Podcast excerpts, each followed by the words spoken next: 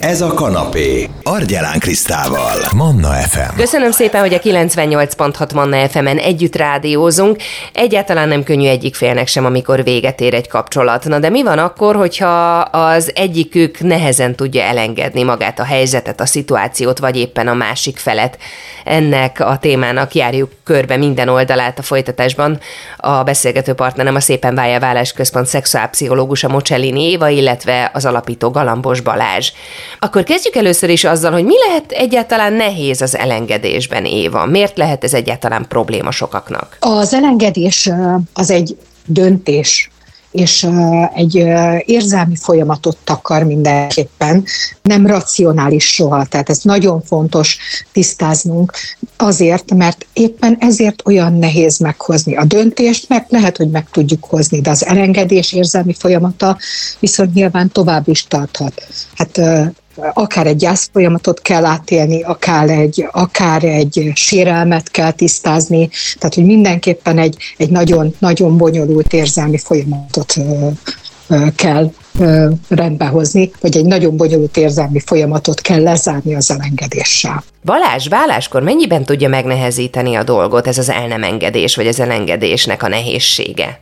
Egyértelműen az a tapasztalatom, hogy magát a döntési folyamatot nagyon-nagyon megnehezíti az elengedés, és sokan éveket várnak a döntéssel, mert úgy érzik, hogy képtelenek függetlenné válni érzelmileg a párjuktól. Sokan agyból hoznak döntést úgy, hogy a szívük még oda van behúzalozva, és utána, amikor létrejön ez az állapot, hogy, hogy fel van bontva a házasság, akkor, akkor próbálja a szívük utolérni az agyukat, és ez egy nagyon-nagyon gyötrelmes és egy, nem egy könnyű időszak, különösen terápia vagy segítség nélkül. Milyen ez a folyamat, és hogy kellene zajlani a normális esetben? Hát először is ugye tisztázni kell a helyzetet, hogy, hogy ez a helyzet mondjuk adott félnek nem megfelelő, tehát hogy, hogy mi legyen a következő lépés. Tehát, hogy, hogy elengedjem, vagy próbáljak meg még tenni terápiában azért, hogy, hogy ne kelljen elengedni. Tehát, hogy egyfajta olyan önismereti lépés, ahol a saját felelősségünket vállaljuk ebben, hogy mi az, amit megtettünk, és mi az, amit nem tettünk meg ezért a kapcsolatért. Tehát mindenképpen ez az első lépés, hogy, hogy, hogy megnézzük, hogy, hogy van ebben a, a döntésünkben, vagy van ebben az elengedésben egy, egyfajta bűntudati konfliktus, és hogy ezen érdemes, vagy lehet-e még bármit is javítani, vagy nem. Hát a következő lépés ugye, ez egy nagyon fontos, hogy több, több oldalról a személyiségre hat egy ilyen elengedési folyamat, mert ugye a legtöbbször azzal kell szembenéznünk, hogy ki vagyok én, mi leszek én, mivé válok én akkor, hogyha befejezem ezt a kapcsolatot, vagy, vagy elválok, vagy egyedül maradok. Tehát, hogy egy ilyen identitás problémát is felvet adott esetben ez az egész elengedési folyamat, és hát aztán utána a még nehezebb része ennek az elengedésnek az, hogy sokszor ragaszkodunk. Tehát ilyenkor, amikor el kéne engedni, vagy meg kéne hozni ezt a bizonyos döntést, hogy vége lesz ennek a kapcsolatnak, akkor rájövünk, hogy hú, hát ebben egy nagyon sok jó dolog történt, tehát elkezdünk félni, tehát egy félelmet vet fel, amiben nem tudjuk, hogy a változás következménye mi lesz. Tehát, hogy az ember alapvetően fél a változástól, és, és törekszik arra, hogy biztonságban legyen. Tehát amikor egy elengedési folyamat, vagy egy ilyen döntési folyamat ö, végére érünk, akkor ugye ott vagyunk egy olyan helyzetben, amit nem tudunk kiszámítani, nem tudjuk, hogy mi következik ezután, hogy milyen helyzetbe kerülünk. Tehát, hogy ez, ezért itt nagyon-nagyon fontos probléma lesz, hogy hogy tudunk hogy tudunk ragaszkodni a, a régihez, vagy hogy, vagy hogy azt eldönteni, és azt, azt figyelembe venni, hogy nem tudunk úgy változtatni, hogy közben minden a régibe maradjon. Tehát, hogy fel kell ismerni, hogy ez a változás bizony bizonytalansággal jár. A személyiségünk egyébként, a személyiségjegyeink előre meg tudják határozni azt, hogy mennyire tudunk könnyen kilépni egy kapcsolatból, és hogyan viszonyulunk az elengedéshez? Nyilván összefügg a személyiséggel, összefügg a neveltetéssel, összefügg a, a párkapcsolati mintázattal, összefügg a, a, szülőkkel, különösen az ellentétes szülővel való viszonyjal, e, úgyhogy ez egyértelmű, viszont még amit a vállás utáni elengedéshez hozzátennék, hogy ezt az elengedést ezt nem nehezít, nem könnyíti meg bizony, hogyha mondjuk vannak közös gyerekek. És mondjuk akár heti vagy akár két heti váltás van, nem lehet lezárni a szálakat annyira könnyen, olyan szinten, mintha mondjuk egy olyan élettársi viszonynak mondanánk nemet, vagy véget vetnénk, ahol, ahol többet az életben nem kell lássuk egymást. Miért baj az, hogy látjuk a másikat, hogy találkozunk vele? Egyáltalán nem baj, hogyha már nincsenek érzelmek. De mondjuk, hogyha van egy olyan helyzet, ahol az egyik sértetként érez, tehát úgy érzi, hogy ő áldozata lett valaminek, amit a, a társa tett vele, és, és még ott van a bosszú érzése, az áldozatérzése, a sértettségérzése, mm. akkor nyilván még, még ott lesz benne, hogy ezt valamilyen módon visszaadja. Hogyha már eltelt annyi idő, vagy már valóban nem voltak érzelmek ebben a kapcsolatban, és sikerült mondjuk egy, egy egészséges, szépen vállást végigvinni, akkor, akkor azt mondom, hogy akkor lehet találkozni, lehet együttműködni. Tehát az csak akkor abban a, a, a, akkor lehetséges, ha már nincsenek érzelmek. Se olyan érzelmek, ami még egy negatív érzelem, se pozitív érzelem, se, se remény, se illúzió, hogy ebből még lehet valami. Csak akkor és kizárólag. Ha az egyik fél nagyon gyorsan új kapcsolatba menekül, akkor lehet ez is az elengedés nehézségének a jele? Ezt már Flóra kérdezte. Abszolút lehet a jele, de mond Balázs nyugodtan, én is át tudom. Oké, okay, hát én is így gondolom, hogy lehet nehézség jele, de ez nem is biztos egyébként, hogy összefügg az elengedéssel. Tehát ilyenkor az embernek egy sérülékenyebb időszaka van, szüksége van biztonságra, szüksége van megerősítésre, hogy ő egy jó nő, hogy ő egy, ő egy jó férfi, és, és ilyenkor lehetséges, hogy egy kicsikét könnyebben létesít az ember ilyen-olyan kapcsolatot, könnyebben ugrik be ilyen-olyan kapcsolatba, viszont ezzel párhuzamosan nehezebb is a dolga, mert egy új kapcsolatban létezik, úgyhogy még a régi benne létezik. És egy új kapcsolat mellett is valahogy meg kell oldani a réginek a lezárása. Éva, te mit gondolsz erről? Új kapcsolatok sokszor hiány alapon alakulnak ki. Tehát, hogy van valamilyen hiánya a, a pár egyik felének a, a, a, az alapkapcsolatába, és erre valaki rács, rácsatlakozik, rés lesz a pajzson, akkor ezt a hiányt valaki pótolja.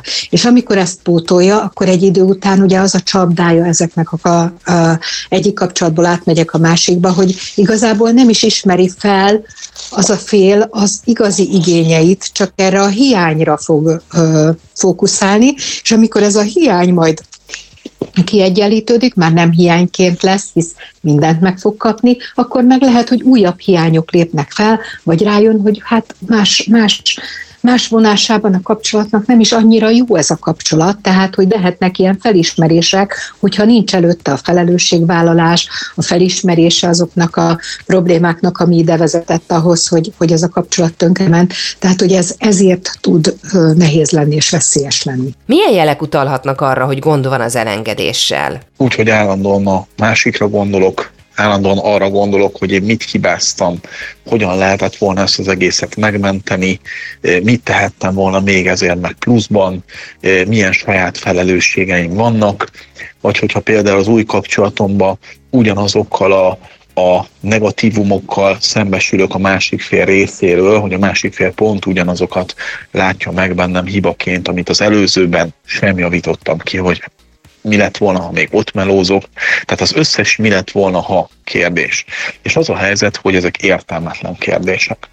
Ezek értelmetlen kérdések különösen akkor, hogyha a vállás már ki van mondva, ki van mondva a gyermekelhelyezés, a, a vagyonmegosztás is már folyamatban van, jelenben kell létezni, és olyan dolgokra érdemes koncentrálni, amik a jelent és a jövőt építik. A múltat le kell zárni, le kell vonni belőle a következtetéseket, de igazából sok időt, szakemberrel való munka nélküli időt magunkba roskadva, meg a, a, a másik kapcsolatot sülyeztve, ez nem fog előre vinni, az biztos. Hogyan léphetünk a gyógyulás útjára? Nagyon fontos, hogy, hogy a barátokon kívül, akár ha szüksége van objektív véleményre, akkor akár a Szépen Bájjál központot, vagy szakembert felkeressem, azért, hogy tisztázza, hogy felismeri, hogy az érzelmeken túl, hogy van a racionális, a tudatosság a kapcsolatban, hogy, vannak a, hogy, hogy van a felelősség, és, és hogy, és hogy mi, mi várható egy ilyen kapcsolati lezárás után. Tehát, hogy nagyon fontos, hogy pontosan, racionálisan, érzelemmentesen tudjunk ezekről a lehetőségekről beszélni, ezeket feltárni, ezt, ezt a, a lépésről lépésre való elengedési folyamatot, vagy veszteség feldolgozást megtervezni, ahogy lehet, és azokat a szabályokat betartani, amit ilyenkor meg kell tenni, ahogy nagyon jól mondta Balázs is, hogy a múltat le kell zárni, és amikor a múltat lezárjuk, akkor nem nézzük a social médiát, nem nézzük, hogy mit csinál, ki milyen képet rakott fel, nem gondolkodunk, ami lett volna, haban, nem, nem kergetünk illúziókat, és nem táplálunk reményt a felé, hogy ez majd, majd másképp lesz, és, és megpróbáljuk ezeket az érzelmeket feldolgozni, és ezeket a negatív érzéseket, élményeket, akár szakember segítségével a helyére tenni. Az jutott eszembe még Balázs, hogy a gyerekekre nézve mennyire lehet ártalmas az, hogyha valaki nem tudja elengedni a másikat, mondjuk egy vállási szituációban, ahol már ugye több szereplős a szitu. Maximálisan ártalmas lehet.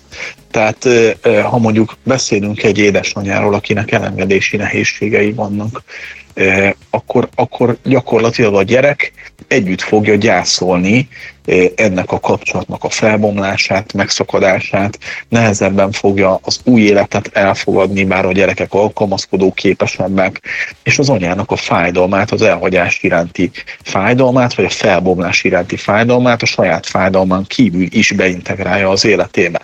Ha meg apa nem tud elengedni, és egyébként jellemzően a férfiak azok, akiknek nagyobb elengedési nehézségeik vannak az én tapasztalatom szerint, akkor meg akkor meg a, mondjuk a lánygyermek a megmentő szerepbe fog később kerülni, elesettebb, esetlenebb férfiaknak fogja a párkapcsolati társaságát keresni. Tehát ez semmiképpen nincsen jó hatással, sőt, akár nagyon pici gyerekek párkapcsolati érzéseket is tudnak az ellenkező nemű szülővel táplálni, fenntartani, akár a szülő részéről tudat alatt is. Éva, te mit gondolsz erről? Nagyon fontos, hogy a gyerekekkel tisztázzuk őszinte kommunikációval azt a tényt, hogy itt a párkapcsolat az, aminek vége van, és az anyának, apának és a családnak nincsen vége.